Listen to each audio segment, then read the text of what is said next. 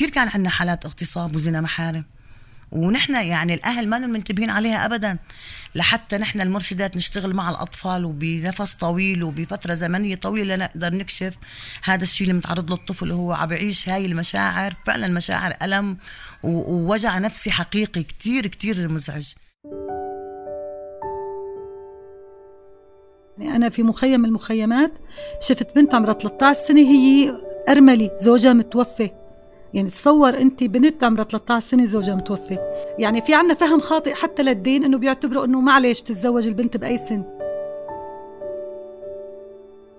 جارتنا بنفس المحضر عروس وعريس دغري ما تولي علي. قال له لا تقول قال لي دفنتهم بإيدي هدول ماما.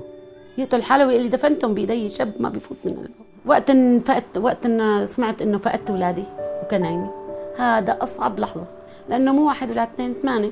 ثمانية أخذوهم فرد أخذه. نحن بشكل عام آه، في أدنى مستويات البشر في عدة مجالات صحيا ونفسيا وأمنيا وكل المجالات تقريبا لكن نحن وللأسف يعني في أعلى المستويات عالميا من ناحية البطالة.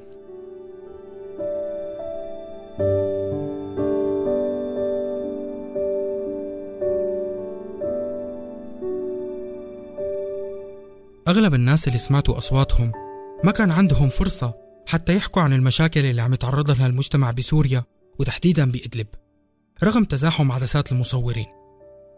أغلب الصحفيين اللي غطوا سوريا والسوريين اختصوا فقط بنقل صور المخيمات والقصف لكن في كتير ظواهر خطرها بضاهي مشاكل الدمار والجوع وما عم يتم نقلها بسبب خوف المدنيين والصحفيين من سلطة الأمر الواقع يلي عم تعتم على بعض الحقائق والانتهاكات.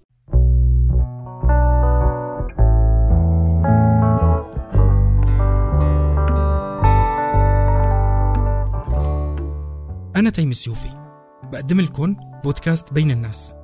اخترت الميكروفون بدل الكاميرا حتى تقدر الناس تحكي الشيء اللي بداخلها بدون ما تتعرض لأي خطر أو ملاحقة من قبل النظام السوري أو الفصائل المتطرفة. رح تسمعوا بهالموسم عن العنف ضد الأطفال السوريين وزواج القاصرات وسرقة الآثار السورية ومواضيع مشابهة. هالمواضيع بترسم الحياة اليومية بمحافظة إدلب.